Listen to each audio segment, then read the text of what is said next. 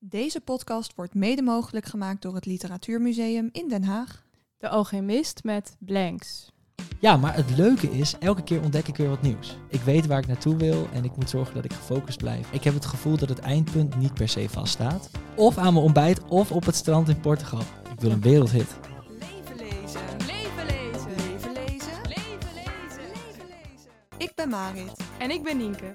We houden erg van lezen en we zijn ook erg benieuwd wat anderen lezen. Daarom gaan wij iedere aflevering in gesprek met iemand over diens favoriete boek. Kunnen we door middel van de literatuur het leven van onze gast leren kennen? Kunnen we na het lezen van de boeken ook de gasten lezen?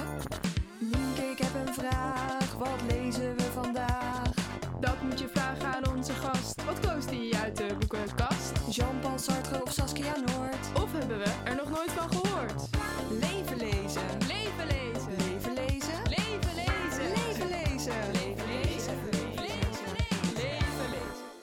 Hallo, hoe staat het ermee? Ja, wel goed. Lekker in een herfstige leesfase beland. Nou, leuk. Wat lees je dan allemaal? Nou, eerdere podcastgasten Marja Pruis en Cholere Zazadeh hebben onlangs eh, allebei een nieuwe roman uitgebracht. Marja het boek Huiswerk en Cholet Ik ken een berg die op mij wacht.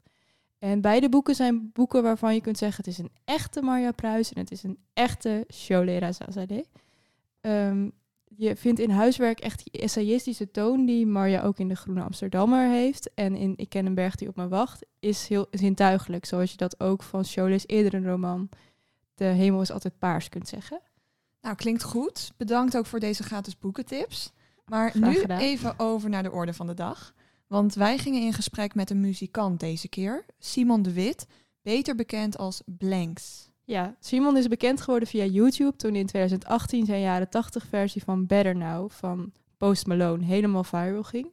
Maar veel mensen kennen hem ook van het televisieprogramma Beste Zangers, waar hij vorig jaar aan meedeed.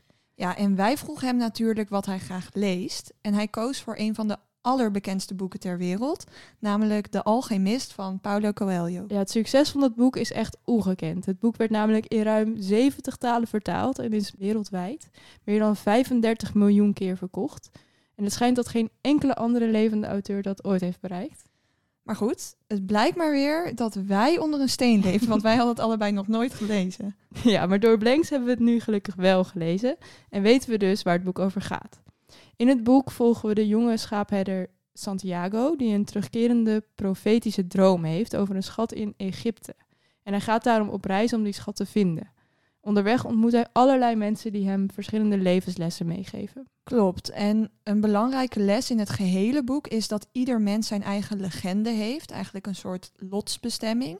En dat ieder mens die lotsbestemming moet zien te vinden. Dus als ik het goed begrijp, heeft ieder mens een vastgelegd lot. Ja, alleen heeft nog niet iedereen die gevonden. Maar voor iedereen is er iets in de wereld wat hij moet gaan doen. En wat is dan bijvoorbeeld de lotsbestemming van, ik noem maar wat, Tae King? Nou, grappig dat je het vraagt, want er is toevallig net een online expositie van hem in het Online Literatuurmuseum. Tae Chong King begon zijn carrière als striptekenaar, maar kwam er gedurende zijn leven toch achter dat hij een andere legende moest gaan naleven.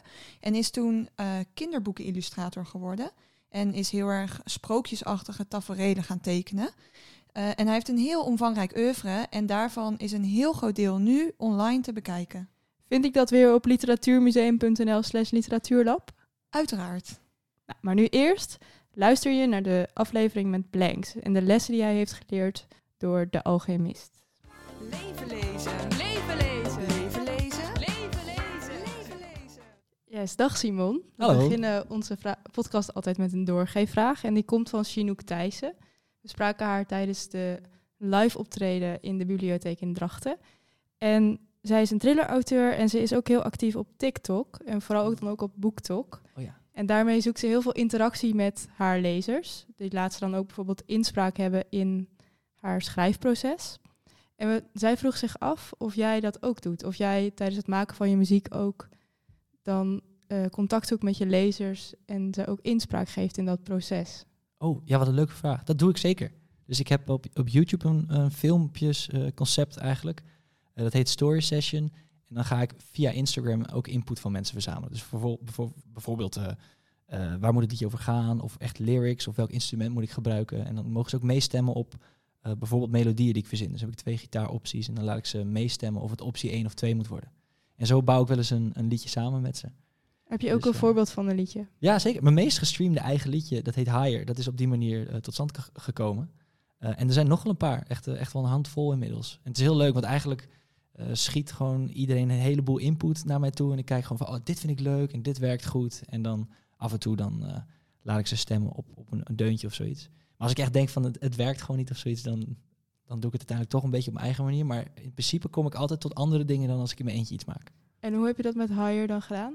Ja, het- begon altijd met de vraag ehm, happy of sad, eh, fast or slow en ehm, gitaar of keys mee beginnen. En dan antwoord op die drie vragen en dan ging ik gewoon iets verzinnen wat het antwoord daarop was. En dan zei ik vervolgens, oké, moet ik dan nu eerst bas of gitaar? En dan bouwde ik zo een beetje die track op. En dan had ik op een gegeven moment een soort van muziekbedje. En dan zei ik, oké, hoe klinkt dit? Als wat klinkt dit? Is het wat, wat vertelt dit stukje muziek eigenlijk? En dan kwamen mensen echt met allerlei opties. En het gaat natuurlijk van, van links naar rechts. Iedereen wil iets anders zeggen. Dus dat is heel leuk. Dus echt een samenwerking eigenlijk met je fans. Ja, ja, eigenlijk wel. Eigenlijk een beetje wat de Chinook ook om, omschrijft. Echt heel cool ook. Leuk. Nou, en behalve dat we het vandaag gaan hebben over jouw maakproces en jouw muziek, gaan we het ook vooral hebben over wat jij graag leest. Hoe grote rol speelt lezen eigenlijk in jouw leven? Ik zou zeggen best wel groot. Ik heb, ik heb eh, altijd veel gelezen. Ik denk het meest toen ik ongeveer tussen de 10 en de 12 was of zo. Toen las ik echt, echt heel veel. En ehm, de laatste paar jaren is het eigenlijk altijd eh, is het een soort van gewoonte geworden die ik heel erg probeer vast te houden. Dus dat ik elke dag wel iets van een half uur lees of zo. Dat is de laatste tijd minder goed gelukt, moet ik zeggen. Maar ik vind, het- ik vind het heerlijk en ik lees ook tegenwoordig een, een echt een bepaald type genre boeken van die beetje zelfhulp of zelfontwikkelingsboeken. Dat vind ik heel leuk. Of boeken over management of psychologie, een beetje dat soort dingen. Ehm, en, en vroeger las ik heel veel fictie en zo. Mijn favoriete serie is Harry Potter nog steeds. Oh ja. Echt heerlijk. Dus eh, ja, grote rol eigenlijk wel, denk ik. En heb je ook een vast moment op de dag dat je dan leest? Oeh, ehm, toen ik die gewoontes aan het opbouwen was om zoveel mogelijk van die ontwikkelingsboeken te lezen, elke ochtend bij het ontbijt. Oh ja. En dan probeerde ik dat ook heel strak te doen. En dan had ik als doel vier boeken per kwartaal. En dat heb ik wel jaren gedaan. En hoe ben je erop gekomen om dit boek te gaan lezen? Heeft iemand Ehm, dat je aangeraden? Of... Dat is een goede vraag eigenlijk. Volgens mij heb ik dat op internet gezien. Want ik keek ook heel veel van die eh, filmpjes van, weet je wel, van ondernemers. Hoe, hoe, vormen zij hun ochtendroutine en zo. En dan ook van die boekleesroutines of zoiets. En ik heb hem hier naast me liggen. Het is echt een beetje oud boekje aan het worden nu. Want ik lees hem elk jaar opnieuw. Ehm, maar ik denk dat ik hem in zo'n filmpje heb gezien ergens. Of op een, op een website dat iemand zei van... Oh, als je zoekt naar eh, persoonlijke ontwikkeling of zoiets... is dit een van de, de, de vetste boeken in dat genre. En waar was je toen je dit boek voor het eerst las? Was het ook aan je ontbijt? Of... Of aan mijn ontbijt of op het strand in Portugal. Eén van de twee. Maar voor het verhaal misschien op het strand in Portugal. En je zegt dus dat je het elk jaar leest. Heb je het dit jaar ook al gelezen? ja, ja, begin dit jaar in eh, mei denk ik al. En ik ga misschien, ik ga volgende week op vakantie, dan ga ik hem weer lezen. Ik lees hem altijd op vakantie. Dus, Hoe eh, vaak heb je hem inmiddels al gelezen? Ik denk zes of zeven keer. Dus je kent het heel goed. Ja, maar het leuke is, het, elke keer ontdek ik weer wat nieuws. Oké, Dus- nou, ik ben benieuwd wat je daar allemaal over te vertellen hebt. Ehm, nou, wat wij er ook vooral uithaalden is dat het een boek is dat gaat over dat elk mens eh, zijn eigen legende heeft en die moet zien te vinden. Een soort vaststaande lotsbestemming. Is dat ook iets wat jij gelooft, dat ieder mens een vaststaand lot heeft dat al bepaald is? Ehm, nee, eigenlijk niet. Ik, geloof er, ik geloof er wel heel erg in dat je je eigen legende kan maken, zeg maar. Maar ik heb het gevoel dat het eindpunt niet per se vaststaat. Ehm, maar dat er als het ware voor elk, elke persoon een x aantal mogelijke paden zijn. En eh, nou, iets wat in dat boek altijd naar voren komt, is dat stukje beginnersgeluk. Als je voor het eerst iets gaat doen wat in de richting van een van die dingen is die voor jou bedoeld zijn, dan, dan, eh, dan lukt het ineens al best wel goed. En ik denk dat dat voor iedereen kan. Dus dat, dat er misschien wel een aantal dingen zijn waar je goed in kan worden. En dan gaat het. Ik geloof er daarna gewoon heel erg in dat als, als je er heel veel tijd en, en liefde in stopt, dat je dan die kant op kan gaan en ermee kan doen wat je ermee wil doen. Wat dat dan ook is, zeg maar. En had jij het gevoel dat er dan ook meerdere paden voor jou lagen en dat je koos voor de muziek? Ja, Hoe is dat gegaan? Nou, ik heb, ik heb gestudeerd. Ik had eigenlijk nooit gedacht dat ik iets met muziek zou doen. Ehm, want ik, ik dacht gewoon, dat is veel te moeilijk of zo. Ik weet niet hoe dat moet. En ik heb gestudeerd aan de Universiteit in Groningen voor eh, informatiekunde. Want ik dacht altijd, ik ga een app bouwen. En dan bouw ik zo'n nieuwe Flappy Bird of zo. Weet je, zo'n spelletje. Dan word ik echt super rijk. En dan ga ik naar, eh, weet ik veel, naar Amerika of zo, apps bouwen. Dat leek mij heel leuk. Dus ik heb dat gestudeerd. En dat ging ook best wel goed. En eh, dat heb ik afgerond. En eh, tijdens die studie ehm, kwam als het ware YouTube op mijn pad. En dat lukte allemaal best wel snel. Dus dat is een beetje dat beginnersgeluk voor mijn gevoel ook altijd. Want ik denk dan vanuit het boek van... hé, hey, als, het, als het zo snel lukt, dan moet dat wel een soort van... Ben je ook voor je studie begonnen met eh, YouTube? Of kwam dat, ehm, hoe kwam dat zeg maar ertussen? Ja, op de middelbare school begon ik met soort vlogs maken eigenlijk. En het, het werd steeds meer met muziek tijdens mijn studie. Dus dat, dat was een soort van nieuwe afslag. En dat, dat ging wel goed. Dus toen dacht ik, hé, hey, dit is gaaf. Ik ga hier meer tijd aan besteden. En eigenlijk toen ik klaar was met mijn studie, toen ik mijn masterscriptie inleverde, toen kon ik direct fulltime de YouTube en muziek in. Dus dat was heel bijzonder. En Santiago, het hoofdpersonage, moest van zijn vader eigenlijk priester worden. Maar hij Ja. wilde zijn eigen legende volgen en herder worden en eh, reiziger. En zijn jouw ouders het altijd met jouw lotsbepaling of muzikale pad eens geweest? Of Eh, wilden ze liever dat je iets anders zou worden? Nee, ze zijn altijd echt heel supportive geweest. Dus eh, toen ik wilde programmeren, toen mijn vader programmeert ook, dus die ging dan helpen uitleggen of die ging dan boeken aanraden daarover. En toen ik muziek wilde doen, was het zo van oké, nou wat kunnen we dan doen om te helpen? Dus ik heb bijvoorbeeld mijn muziekstudio nog steeds bij mijn ouders in de voorheen garage, nu studio. Het is echt omgebouwd. Dus ze hebben altijd heel erg meegedacht eigenlijk met wat jij leuk vindt, dat, eh, dat is gewoon goed. Leven lezen. Leven lezen. Leven lezen. Leven lezen. Leven lezen. Ja, en je zegt dus dat je best wel dat beginnersgeluk hebt gehad van dat je na je studie al kon beginnen fulltime je muzikale carrière eh, te doen. Maar ondanks dat je dat kunt doen, zijn er natuurlijk wel vaak moeilijkheden of misschien ook wel onzekerheden van eh, kan ik dit wel doen? En er is ook een mooi stukje in het boek. Ehm, ik zou je willen vragen of je dat wil voorlezen. Oké. Kijk, zei zijn hart. Ik reclameer dan misschien wel wat, maar dat komt omdat ik een mensenhart ben. En mensenharten zijn zo. Ze zijn bang hun grootste dromen te verwezenlijken, want ze denken dat ze het niet verdienen of dat het hun nooit zal lukken. Wij, harten, sterven van angst alleen al bij de gedachte aan geliefden die voorgoed zijn vertrokken, aan ogenblikken die goed hadden kunnen zijn en het niet waren, aan schatten die ontdekt hadden kunnen worden en eeuwig verborgen bleven in het zand. Want als dat gebeurt, lijden wij vreselijk. Is dit iets wat je herkent in je muzikale carrière? Dat je ooit onzekerheid hebt gehad over of je het wel kan, of je het wel wil?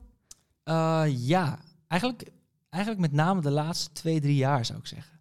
In het begin was ik zo soort van uh, geobsedeerd van ik, dit moet gewoon lukken en het gaat gewoon, dat ik hier helemaal niet over nadacht. En uh, uh, in deze passage in het boek, zeg maar, ik herinner me direct, maar Mm. dat maakte nooit impact, zeg maar, toen. Toen ik las, dacht ik altijd, oh ja, nee, geen last van. En nu wel. Nu begint het steeds meer een beetje te komen dat je denkt van, oké, ik doe dit nu, ik doe dit nu vier, vijf jaar of zo. En het gaat, het gaat hartstikke goed, maar je kan het niet helpen om toch te vergelijken met andere mensen. Of dan kijk je weer tegen iemand op en die doet dan iets. En dan denk ik altijd van, oké, shit, ik wil dat ook. Ben ik dan wel goed genoeg om dat ook te, te kunnen of zo? En wat zorgt er dan voor dat je wel ervoor kiest om door te gaan? Uh, eigenlijk gewoon, voor, het begon met mij allemaal uh, door plezier maken eigenlijk. En dat probeer ik nu zoveel mogelijk weer op te zoeken. En ik merk ook gewoon als iets plezier oplevert, zeg maar, dan werkt het eigenlijk altijd. En uh, dus vandaag, ik kom letterlijk net voor de podcast kom ik uit de studio en het liedje, ik zit helemaal, helemaal erin. Ik zit helemaal in de studio zeg maar te jansen en dan denk ik, oké, okay, dit is een goed teken, weet je. Als ik het zo leuk vind, dan, dan heeft dit liedje iets. En, en ik denk dat dat soort van onderbuikgevoel heel goed is om te volgen. En uh, ook al is dat misschien niet direct resultaat, ik denk altijd als het gevoel goed is, dan, dan moet je daarna gewoon kijken wat je ermee doet, maar dan, dan zit je op het goede pad, zeg maar. Want wat is nu je, je doel, zeg maar? Je, ik wil ja. een wereldhit. een wereldhit. Ja, nee, het, en dat is opgedeeld in stapjes. Dat zeg ik gewoon, dat is wel echt zo. Ik wil over tien jaar, ik heb een heel mooi tienjarenplan. Ik wil heel graag een, een wereldhit scoren als blanks en ook als schrijver achter de schermen. En um, dat gaat in stapjes. Dus ik moet eerst. Als muzikant van een ander liedje dat je niet zelf zingt. Ja, exact, exact. Dat is uh, uh, voor mij heel vanzelfsprekend. Maar er zijn een heleboel mensen die schrijven zeg maar achter de schermen de pophits. Ik heb geen idee of jullie dat weten, maar Mm. ik vind dat heel interessant. En ik zou daar heel graag onderdeel van willen worden, ook op internationaal gebied.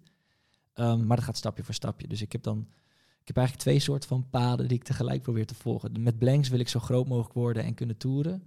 Uh, door heel Europa en het liefst over de hele wereld. En als schrijver en producer wil ik meewerken aan gewoon de grootste popliedjes. Dat lijkt me echt zo vet. Ja, en over dat toeren gesproken, want um, het, de roeping ook van Santiago is om te gaan reizen. En om de wereld over te trekken. En jij bent ook vaak van huis, niet alleen voor optredens in Nederland, maar ook in Europa. Mhm. En kun jij goed van huis zijn? Eh, ja, ik denk het eigenlijk wel. En ook steeds beter. We zijn eh, net, ik ben denk ik net een week terug. We waren door Europa op tour. En ik, gewoon van die praktische dingen, dat ik gewoon nu alles opruim in hetzelfde vakje van mijn tas. Dat zorgt voor een soort extra eh, stabiliteit of zo. Want ik vond het vroeger heel lastig als je dan bijvoorbeeld in hotelkamers bent of, of in een Airbnb. En dan is alles anders. Eh, maar nu heb ik gewoon mijn tas en daar zit alles in op dezelfde plek. En dan heb ik mijn boek en ik heb mijn oplader en ik heb mijn, mijn oortjes en dat soort dingen. En dan weet ik precies waar dat zit. En dan zorgt het ervoor dat je je soort van sneller thuis voelt of zo. Eh, dus eigenlijk gaat het wel goed. En ik moet ook zeggen, op zo'n tour heb je weinig tijd om je, om je niet thuis te voelen. Om überhaupt iets te voelen. Want je bent eigenlijk continu bezig of aan het reizen.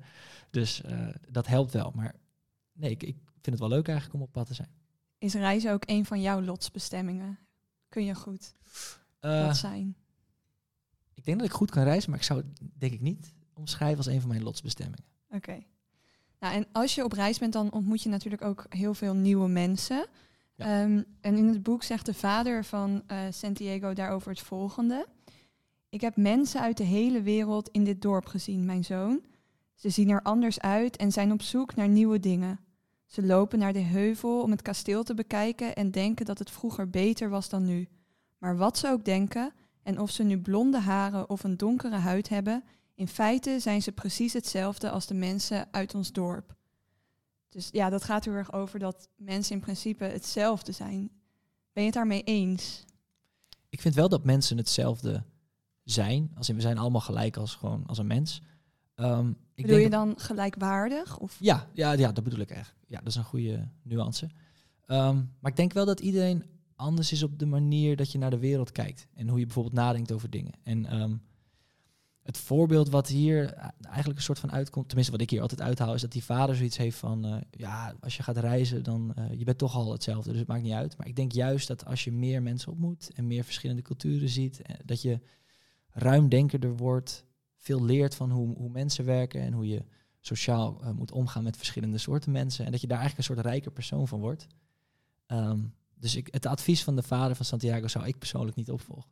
Wat heb jij geleerd van mensen die je hebt ontmoet? Op een tour bijvoorbeeld of op een reis. Is er nog een ontmoeting die je is bijgebleven? Oh, dat is een goede vraag zeg. Um, dat je met een glimlach echt een heel eind komt.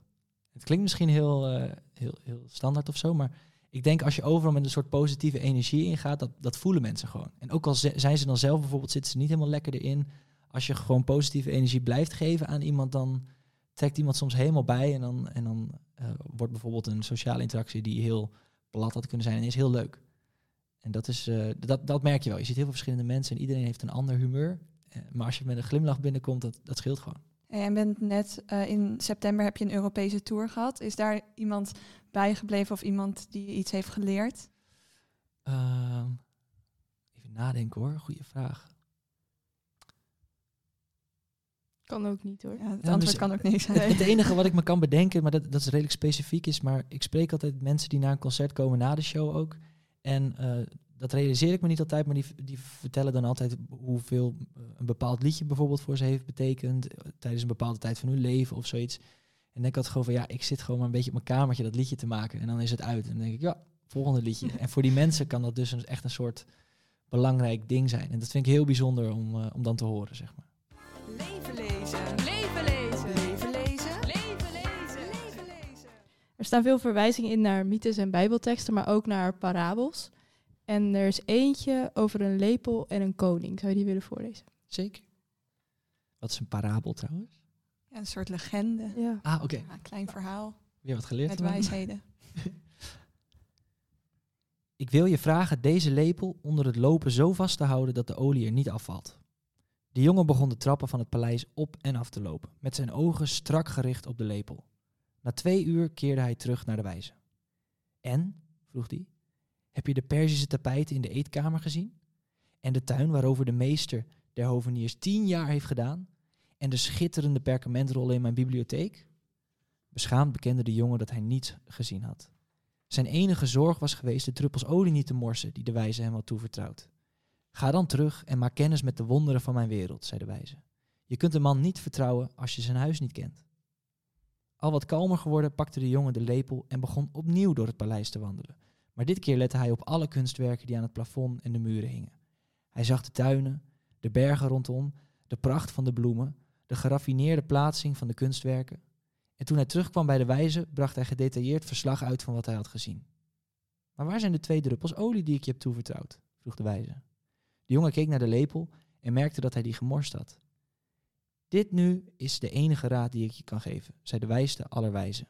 Het geheim van geluk schuilt in het kijken naar alle wonderen van de wereld, zonder ooit de twee druppels olie op je lepel te vergeten.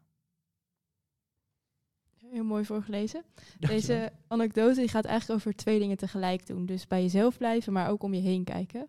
En jij vraagt voor je muziek heel veel naar de meningen van andere mensen. Maar hoe doe je dat dan? Hoe vind je dan die balans tussen wat je zelf wil maken en wat de rest om je heen wil dat je maakt? Ja, eh, ontzettend goede vraag. Ehm, ik had het net al even over dat onderbuikgevoel. Ik denk dat ik daar zo goed mogelijk naar probeer te luisteren. En ehm, ik denk namelijk dat je onbewust eigenlijk wel beter weet wat, wat goed voelt. Of wat goed is voor je, zeg maar, dan bewust. Als je het kan bedenken, zeg maar, dan is het misschien wel niet waar. Dat, dat, dat gevoel heb ik heel vaak. En zeker met muziek of met iets maken. Ik kan me ook voorstellen als je schrijfster of schrijver bent dat dat ook zo is. Maar heel vaak komt iets moois ehm, in een soort van, eh, in een soort van flow of zo. Als je er juist niet over nadenkt en dan voelt het goed. Eh, dus ik probeer altijd heel erg eh, te luisteren naar mijn onderbuikgevoel. Als die zegt het is goed, dan, dan is het ook goed. Zeg maar. Ook ongeacht van wat mensen zeggen. En als er nou echt hele, hele typische feedback of zoiets is, wat, eh, waar ik het mee eens ben, dan zou ik nog kunnen overwegen om het aan te passen. Maar als dan het gevoel daarna weg is, dan ga ik gewoon weer terug. Luister je dan ook eerder naar je gevoel dan naar je verstand? Eh, eh, ik zou willen dat het vaker zo was. Ik denk ook wel veel na, maar ik, ik probeer dat wel heel erg. Ja, want Santiago die heeft ook om beslissingen te maken zelf twee stenen, een witte en een zwarte. Ehm, als hij zelf niet goed weet wat hij moet doen. Mhm. Vind jij het wel makkelijk om de knoop door te hakken, om beslissingen te maken? Ik, ik denk in de meeste gevallen wel. En ehm, soms ook wel eens niet hoor. Dan blijven hele kleine beslissingen heel lang liggen. En dan denk ik altijd van ja, gewoon de, de tijd en de stress die het oplevert om hierover na te denken, was al meer dan als ik gewoon ja of nee had gezegd. Of, of, of links of rechts was gegaan, zeg maar. Dus ik probeer nu gewoon snel beslissingen te maken. En dan, ik denk toch wel gebaseerd op gevoel. En Santiago maakt beslissingen door te luisteren en te kijken naar boodschappen uit de natuur. En hij had ook boodschappen uit zijn dromen, maar die is, daar is hij soms nog een beetje onzeker over. Dus dan gaat hij naar een waarzegster. En zij wil hem wel helpen, maar dan wel als, hij, als ze 10% van de winst krijgt. En die prijs vindt hij eigenlijk te hoog en dan besluit hij om weg te gaan. Heb jij wel eens gehad dat je eh, iets wil bereiken, maar dat dan de prijs daarvoor eigenlijk te hoog is en dat je het dan toch niet hebt gedaan? Oeh, eh, ja, ik, we hebben wel eens in gesprek gezeten met een, een hele bekende producer, waar ik zelf ontzettend tegen opkijk, op wereldniveau. Ehm, en dat je dan in de onderhandelingen er, er gewoon niet uitkomt, zeg maar. Dat zij een contract voorstellen en dan denk ik van ja, Dat is echt letterlijk de prijs. Ja. e- exact. ja, de- nee, gewoon zes- en dan ligt er een papier op tafel en dan kijk je ernaar en denk je, als ik nu mijn handtekening zet, dan kan ik met hem bellen en misschien zelfs wel werken. Ehm, maar dan lever ik echt zo'n groot stuk in van, van alles wat ik nu heb, zeg maar. Dat, dat voelt gewoon niet als de juiste, juiste keuze. Dus dat, ja, dat is heel spannend. Ik vond het ook heel eh, spannend om niet te doen. Dat heb ik dus niet gedaan. Ehm, Denk dat je dan nog wel eens terug aan die beslissing? ja, zeker. zeker. Want dat, dat was zo'n grote beslissing. En het is Oh. zo. Gaat goed? Gaat goed, denk ik. Ja. Het klonk even alsof het iemand binnen kwam stormen. Nee, nee, nee. Met dat contract weer op tafel. Hier is het. Ja. nee, maar eh, ik denk er nog wel eens aan terug. Het is zeg maar twee keer gebeurd nu in twee verschillende situaties. En in die twee keer was het gewoon nog niet gezond. En ik denk dat het heel goed is om in jezelf dus te geloven. Want als ik over vier jaar eh, veel meer gedaan heb en ik ben bekender als het ware als producer en als artiest, dan kan ik ook een veel gezonder eh, eh, prijs zeg maar krijgen. Maar op het moment voelt het wel echt als heel erg, heel erg spannend om dan nee te zeggen. Maar bij nader inzien is het niet iets waar je spijt van hebt of zo. Nee, want ik denk dat als ik het wel gedaan had, dat was een beetje rond het begin van COVID en zo. En het ging dan over veel dingen in Amerika. Daar had ik helemaal niet kunnen zijn. Daar had ik niks aan gehad op dat moment. Maar ik had wel een heleboel moeten inleveren. Dus het is achteraf denk ik wel een goede keuze geweest. Nou, en al met al eh, leert Santiago heel veel tijdens zijn reis over de liefde, lotsbestemmingen en de natuur. En we hebben al meerdere van deze lessen voorbij horen komen in deze aflevering. Maar wat is voor jou de grootste les die je uit dit boek hebt gehaald?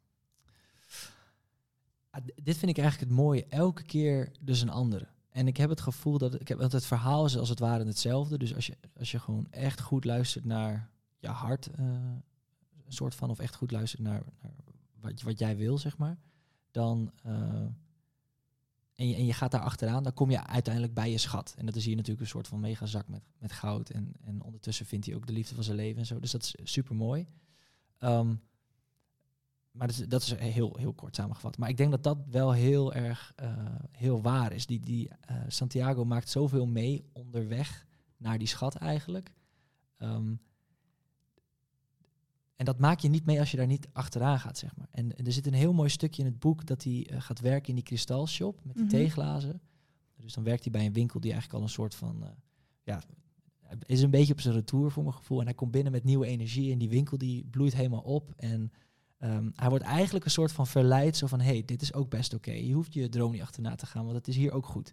En dan gaat, neemt hij toch de stap, zeg maar.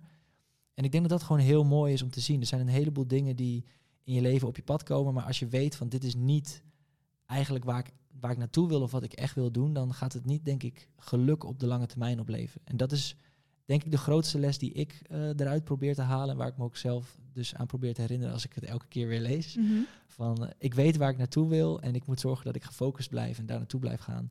En ondertussen dus ehm, die, die verwondering houdt die, die hij ook heeft in het boek. Dus nieuwsgierig naar allerlei mensen en naar dingen en veel leren. En dat is, ik denk dat dat een beetje de grootste les is. En, en er zit nog één tweede les. Aan het einde van het boek is hij bijna bij die schat, denkt hij. En dan mislukt het eerst. En dan heeft hij een hele grote setback, zeg maar.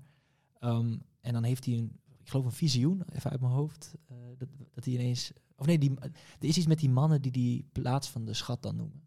En het, helemaal in het begin heeft ja, hij, van het boek dan heeft wordt hij een weer droom. verder gestuurd eigenlijk door mensen die dan Ja. daar komen in Egypte. Ja, eigenlijk wordt hij een soort van beroofd Teruggestuurd ook, toch? Ja. Ja, Ja. naar de plek waar het verhaal eigenlijk begint. Ja. Ja. Dat is ook heel mooi.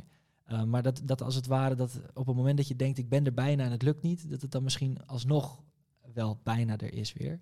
Ik vind dat ook een hele mooie herinnering van. Misschien lukt het niet en denk je, ach, ik kom er nooit, maar is het, is het één stapje verder, zeg maar. De doorgeefvraag. De doorgeefvraag. De volgende gast in onze podcast is radiomaker, DJ en presentator van de Lesbische Liga Vera Simons. Uh, wat zou jij aan haar willen vragen? Uh, ik zat na te denken over die vraag en um, wat mij heel interessant leek is, Vera is natuurlijk radiopresentator, dus dat gaat ook veel over je persoonlijkheid. Uh, net als met ik uh, als artiest, zeg maar. En ik ben heel benieuwd hoe zij nadenkt over wat je allemaal laat zien van jezelf als publiek figuur. En waar je de grens trekt en, en waar niet eigenlijk. Een interessante vraag. We gaan het aan haar doorgeven. Met Vera Simons gaan wij in gesprek over Veranderen Methode van de Franse schrijver Edouard Louis. Deze autobiografische roman draait om de wens van Edouard Louis om zich te ontworstelen uit zijn achtergestelde jeugd en milieu in Noord-Frankrijk. Hij wil gezien worden en toegang krijgen tot de elite. Maar op het moment dat dit gelukt is en hij wereldwijd succes heeft, bekruipt hij met verlangen te verdwijnen en zich te onttrekken aan het oog van de wereld. Bedankt voor het luisteren naar deze aflevering van Leven Lezen. Wil je meer afleveringen beluisteren? Volg ons dan in je favoriete podcast-app. Heb je een vraag? Of wil je ons gewoon iets laten weten? Stuur dan een mail naar levenlezen.gmail.com. Je kunt ons ook volgen op Instagram en Twitter. Tot de volgende keer!